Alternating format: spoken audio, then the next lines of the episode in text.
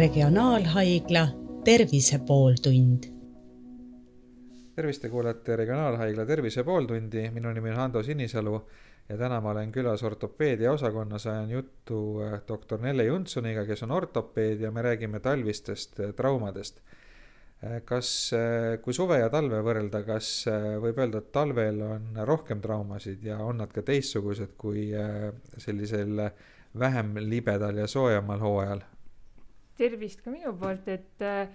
tegelikult ma pean ütlema, et suvel on siiski rohkem traumasid, et äh, suvel inimesed liiguvad rohkem, neil on aktiivsemad hobid, aga mis muudab talvised traumad meie jaoks raskeks, on see, et tavaliselt neid tuleb äh, korraga palju. Et suve jooksul on küll rohkelt traumasid, mis on jaotatud nagu ühtlaselt suvekuudel ära aga talvel piisab ühest libedast päevast ja meil on kogu töö ära ummistunud nii traumapunktis, nii äh, nii-öelda erakorraline töö läheb meil äh, väga pinevaks, et äh, talvisel perioodil just nagu see töö intensiivsus võib ühe päevaga täiesti muutuda Te mainisite libedaid päevi, et millised need libedusega seotud kõige sagedasemad traumad on?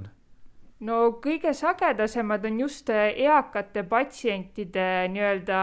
madala energiaga osteoporootilised murrud. Äh, neid siis äh, kõige sagedamini leidub siis neid just randmepiirkonnas, et nii-öelda kodarlumurd on kindlasti üks kõige sagedasemaid, millega inimesed meile satuvad. kuid vanemaealistel kindlasti murduvad rohkem ka näiteks nimmelülid, lülisammas üldiselt, äh, vaagnaluud ja ka riieluu nii-öelda eh, proksimaalne osa ehk siis eh, puusaliigese piirkond. et noorel inimesel nende kohtade murdmiseks on vaja ikkagi väga kõrget energiat, aga vanuril piisab lihtsalt omal jalalt kukkumisest, libisemisest, et ta saaks sellise raske murru endale kas midagi on võimalik teha ka, et neid murde ära hoida, et meie kliimas paratamatult see jäine ja libe aeg tuleb ikka iga aasta ette, aga mida teha, et ennast hoida siis selliste traumade eest? nojah, et kahjuks meil Eestis ikkagi see talv tuleb alati ootamatult, me teame, et ta on meil olemas, aga kui ta lõpuks tuleb, on ikkagi inimeste jaoks ootamatu et äh, juba kodust välja minnes peaks äh, mõned asjad nagu enda jaoks selgeks mõtlema. kõigepealt peaks mõtlema selgeks, äh, kas on üldse vaja välja minna. ja siis enne väljaminekut peaks veenduma, et õues on ohutu. et peaks vaatama ilmateadet, vaatama seda juba aknast välja, kas teed on puhtad, kas on seal tänaval mõni oht juba valitsemas peaks äh, kindlasti võtma kaasa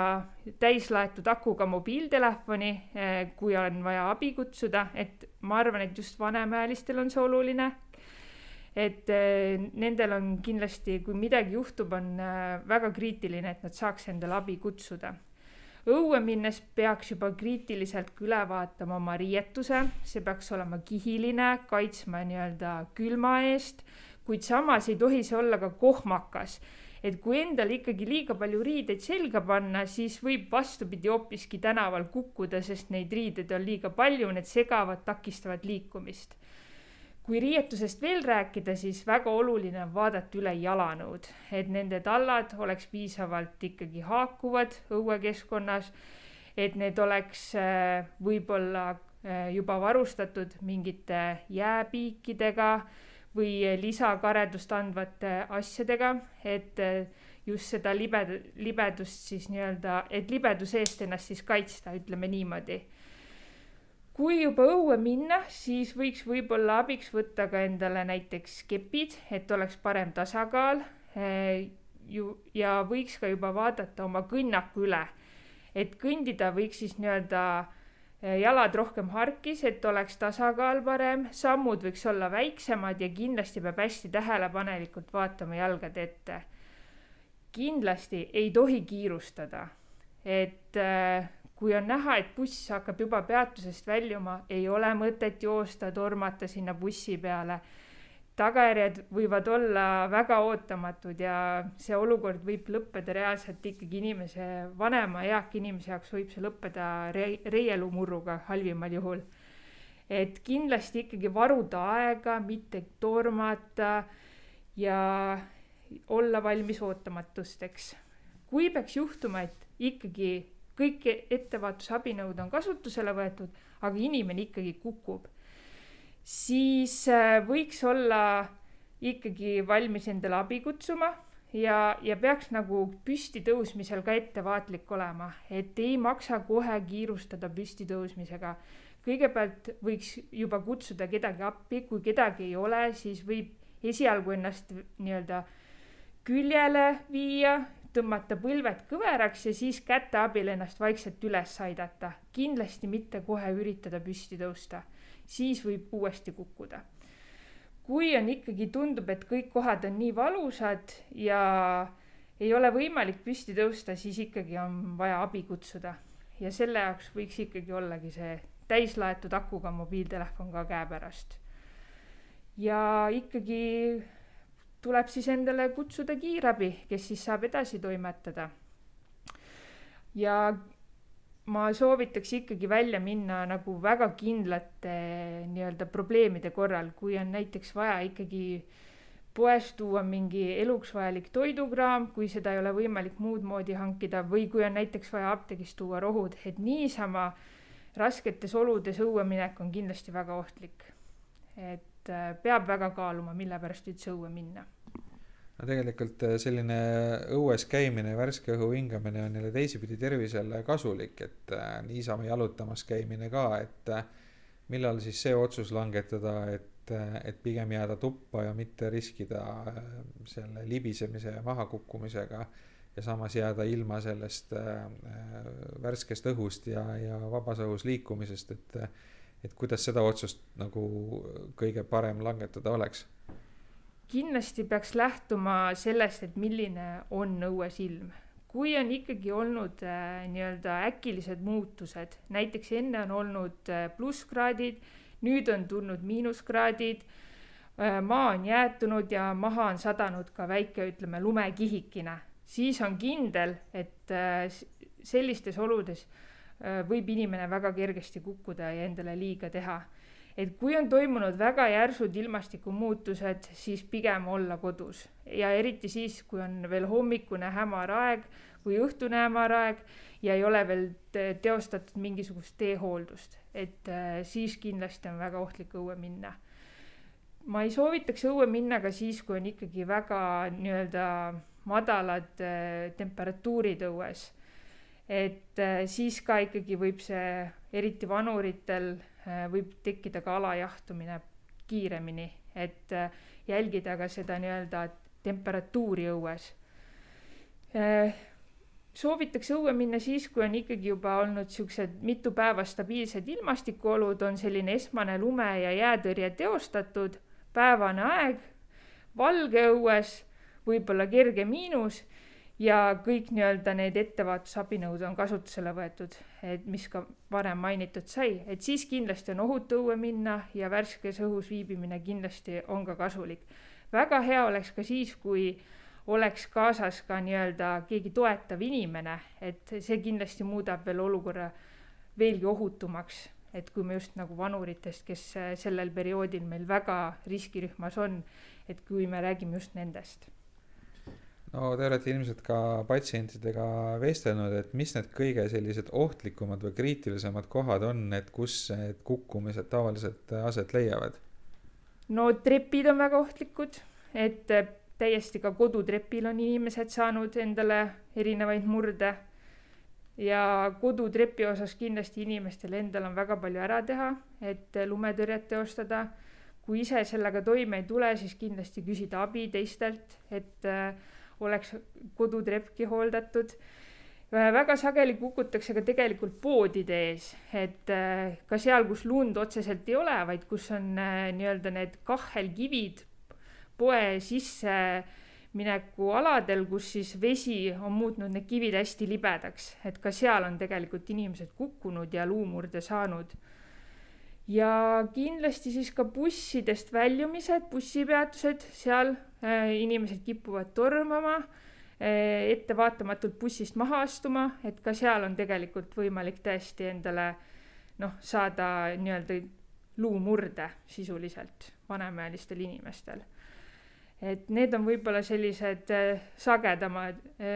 sagedasemad kohad, kus inimesed nii-öelda kukkunud on. aga täiesti ka võib olla see Sile tänav,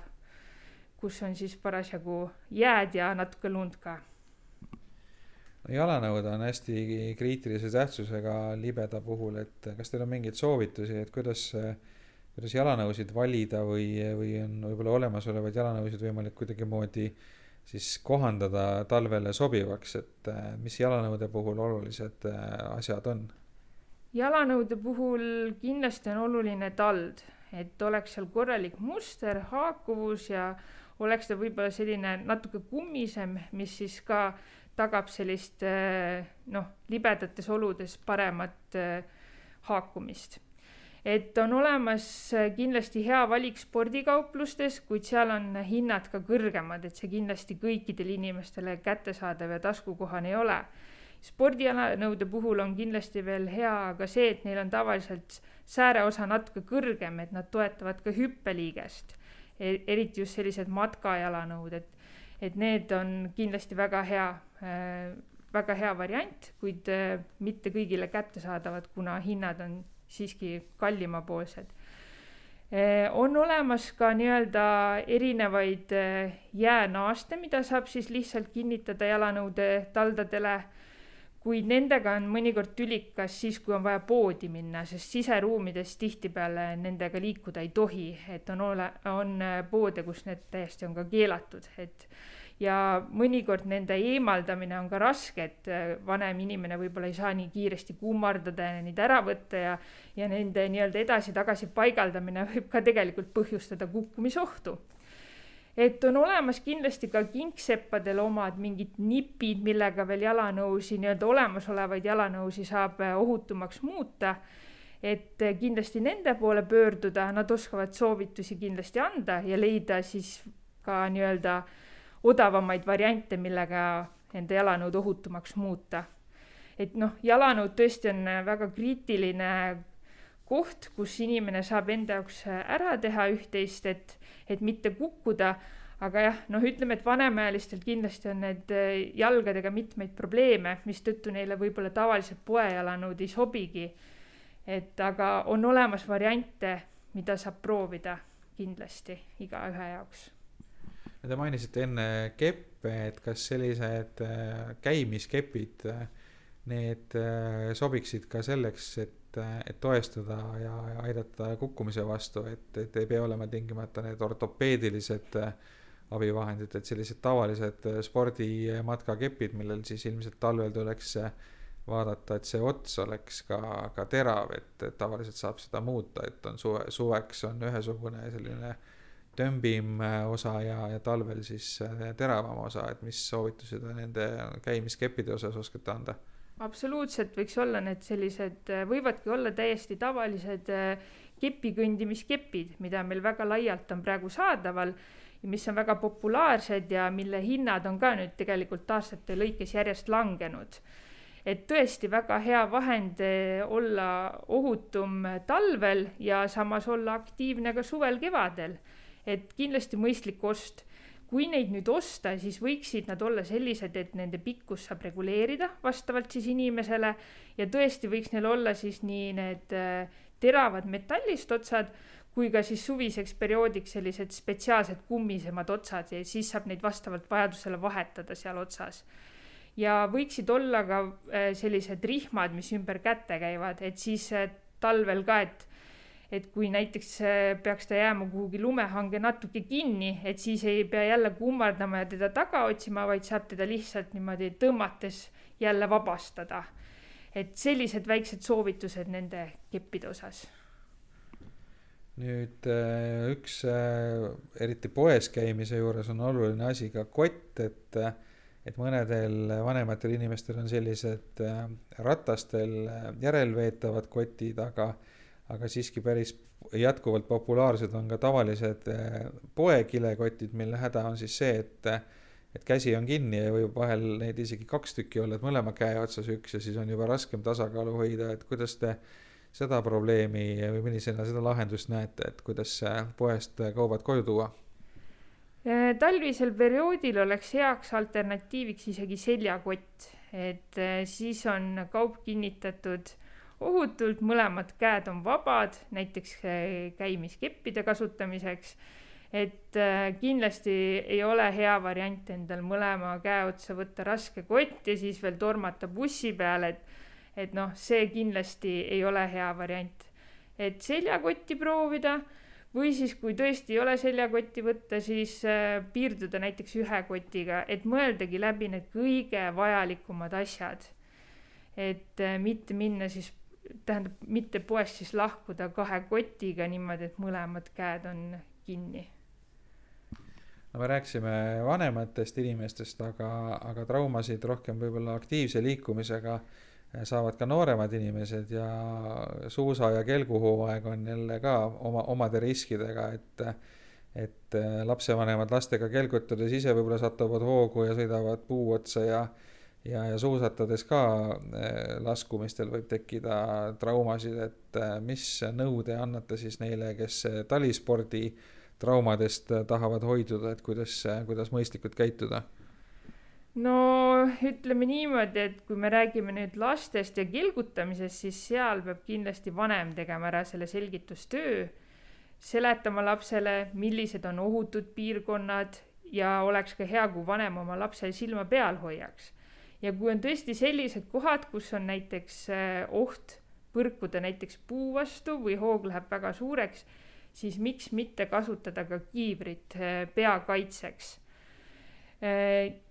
ja kui juba midagi juhtunud on, siis ikkagi ka noh, ütleme, et peaks lapsega siis pöörduma traumapunkti, et ta saaks koheselt üle vaadatud ja abi. aga kindlasti vanemate koht on siin seletada lastele, et mis on ohutu, mis ei, mis on ohtlik, et olen näinud ka ise, kuidas lapsed kilgutavad täiesti sõiduteele et äh, väga ärevaid hetki kahjuks ka selle talvise kilgutamisega võib kaasa tulla, et lastel see ohutunne on küllaltki madal. et nad ikkagi vajavad pidevat selgitust ja ülekordamist ja jälgimist, et muidu tõesti ka neil võib äh, kelgutamisega seoses tekkida täiesti luumurde ja, ja teisi nii-öelda raskemaid traumasid aga suusa ja, ja lumesaani õnnetusi on ka viimasel ajal vähemalt meediast äh, läbi, läbi jooksnud päris palju ja, ja mõned neist on äh, eriti mäesuusa õnnetused päris traagilised, et mis, äh, mis nõu, nõu te seal annaksite?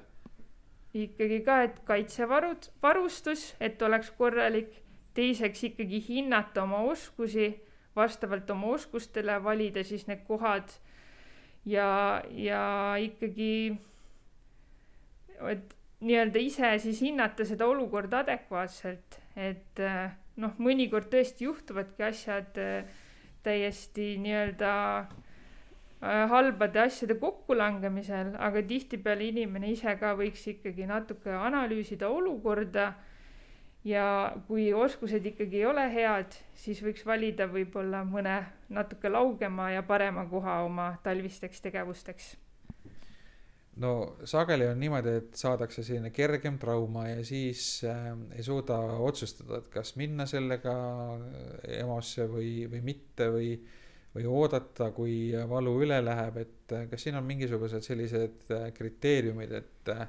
mis olukorras kindlasti peaks pöörduma erakorralise meditsiini osakonda ja mis olukorras tasub natuke oodata ja katsuda koduste vahenditega ravida no selles suhtes on äh, seda kriteeriumit on nagu raske paika panna. kindlasti asjad, millega koheselt peab pöörduma, on siis, kui on ikkagi väga selged luumurru tunnused, mis meie jaoks on siis näiteks äh, väga suur turse, silmnähtav verevalum, ebaloomulik kuju juba sellel jäsemel Eh, võib-olla selline iseloomulik krõbin selles piirkonnas ja, ja võimetus siis oma jäset või siis seda traumapiirkonda kasutada. et kui on ikkagi sellised silmnähtavad eh, nii-öelda tunnused olemas, siis kohe peaks ikkagi pöörduma. kui on niimoodi, et on, ütleme, noor terve inimene, kes on kukkunud, tõuseb püsti, tunneb, et käsi on natuke kange, kõike liigutada saab. Otseselt kohe valu inimene ei tunne, saab oma tegevustega jätkata, siis pigem on tegemist sellise kergema põrutusega ja tihtipeale inimesed juba ise ka ei pöördu selle pärast. Aga kui ikkagi teisel-kolmandal päeval turse süveneb, valu süveneb, ei saa kätt ikkagi korralikult äh, kasutada ja sümptomid järjest süvenevad, siis on ikkagi mõistlik äh, tulla traumapunkti ja lasta ennast üle vaadata. kui need kaebused lähevad üle, aga kuskil seal nii-öelda nädala pealt on ikkagi tunne, et ranne on kange midagi ikkagi on valesti, siis sellises olukorras võiks juba pöörduda näiteks perearsti juurde, et see, kui on juba nädal või ütleme, kaks nädalat vana trauma, siis on perearst see koht, kuhu peaks pöörduma. et siis nagu traumapunktis on juba nii-öelda, eh, see ei ole enam nii-öelda värske trauma, millega peaks siis traumapunkt tegelema. aga noh, muidugi me võtame tegelikult kõik inimesed muredega vastu et äh, vaatamata sellele, kui suur või väike see mure on. selliste kergemate traumade puhul on, on vahel nii, et äh, kukud maha põlv või ranne või siis vahel ka sabakont on saanud viga ja noh, kergelt valutab ja niimoodi midagi väga hullu ei ole, et äh, millised sellised kodused vahendid on, millega neid kergemaid traumasid ise leevendada? trauma puhul number üks asi on tegelikult külm et mitte külmakeelid. et külmakeeli võib kasutada ainult siis, kui tõesti mitte midagi muud käepärast ei ole, oled näiteks kuskil tõesti mäe peal ja paned selle endale ruttu peale. koduses keskkonnas juba võiks olla ikkagi külm, kas külmakott spetsiaalne või siis sügavkülmast kasvõi mingid marjad, mis parasjagu seal on külma on õige panna ikkagi niimoodi sellele trauma kohale, et mingi riie on seal vahel, et kindlasti mitte otse nahale panna, et see võib tekitada nahakahjustusi.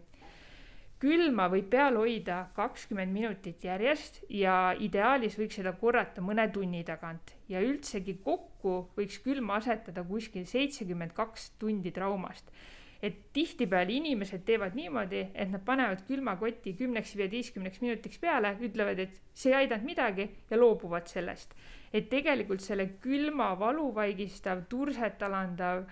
toime on kuskil seitsekümmend kaks tundi äh, sellest traumahetkest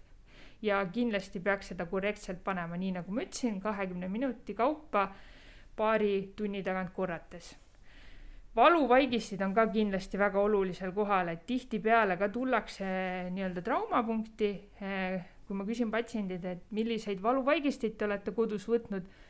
siis nad ütlevad tihtipeale, et, et ma ei tahtnud neid võtta või ma ei osanud neid võtta või mul ei olnud neid. et valuvaigistitest käsimüügis Äh, on olemas äh, paratsetamool ja ibuprofeen, mis tavaliselt tervele täiskasvanud inimesele mingeid kõrvaltoimeid suuri ei oma tavaliselt, kui neid võtta trauma korral nii-öelda kolm, neli, viis päeva. ibuprofeeni õige täiskasvanu annus on siis nelisada milligrammi kolm korda ööpäevas, et see on selline ohutu annus ka nendele, kellel võivad juba olla mingid terviseprobleemid ja paratsetamooli võiks täiskasvanud inimene võtta siis ühe grammi korraga ja samuti võib seda võtta kuskil kolm-neli korda ööpäevas. see on ohutu annus. ja neid kahte ravimit on ka ohutu omavahel kombineerida, sest nad mõjuvad valu erinevatesse punktidesse. et neid võib täiesti julgelt esimestel päevadel koos võtta, et saada parem toime valule vahel läheb nii, et ka pea saab viga, olgu see siis kelgutades vastu puud või, või, või maha kukkudes. et äh, mis see peatrauma puhul selline ohumärk on, et, äh, et tuleks kindlasti pöörduda äh, erakorralise meditsiini osakonda, et, et kahtlustada mingisugust ajutraumat või, või muud hullemat asja, et, et mis siin see otsustamise koht on otsustamise koht on juba see kindlasti, et äh, kui suure energiaga see trauma oli. kui me räägime ikkagi näiteks äh, kohe sellest, et on suure hooga tuldud mäest alla ja näiteks vastu puud, siis see on ikkagi juba suur energia ja selle puhul ikkagi võiks juba inimese jälgimisele viia. kindlad sümptomid, mis vihjavad sellele, et tegemist on ikkagi raske peatraumaga, on see, kui inimesel puudub mälu sellest traumahetkest ja ka tagasiulatuvalt äh, mäluhäire, näiteks ta ei mäleta isegi, mis juhtus päeval enne seda traumat. kindlasti tugev, ülitugev peavalu, iiveldamine, oksendamine, need on kohe kindlasti sellised äh, sümptomid, millega peaks viivitamatult abi otsima. kasvõi siis kiirabi kutsuma. et äh, kui viibitakse juba haiglast kaugemal, siis kindlasti on variandiks kiirabi kutsumine ettevaatlik peab kindlasti olema lastega ja vanuritega vanurite puhul just sellepärast, et nad võtavad tihtipeale verd vedeldavaid preparaate ja sellepärast nende sümptomid võivad ka tihtipeale olla varjatud, aga neil on oht saada kergemini aju eh, nii-öelda verevalumit. et eh, nendel võib piisata ka väiksemast eh, nii-öelda energiast, lihtsast kukkumisest,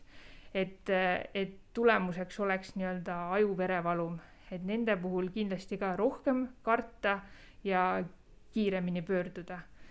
laste puhul ka ikkagi, et kui pärast kukkumist on laps juba loid, tihtipeale nad ei oska ka ise oma nii-öelda sümptomeid äh, välja öelda. et kui laps on ikkagi loium, teistmoodi käitub pärast peatraumat, ka kaebab võib-olla iiveldamist, mõned korrad oksendab, siis ka kindlasti peaks pöörduma ikkagi juba erakorralise meditsiini osakonda aga suur tänu, loodame siis, et õnnetusi ei, ei juhtu palju, aga kui midagi juhtub, siis äh, saite abi ja infot, kuidas selle õnnetuse korral äh, toimida. ajasime juttu Põhja-Eesti Regionaalhaigla ortopeedi doktor Nele Jonsoniga ja teda küsitles Hando Sinisalu. aitäh kõigile kuulajatele ka.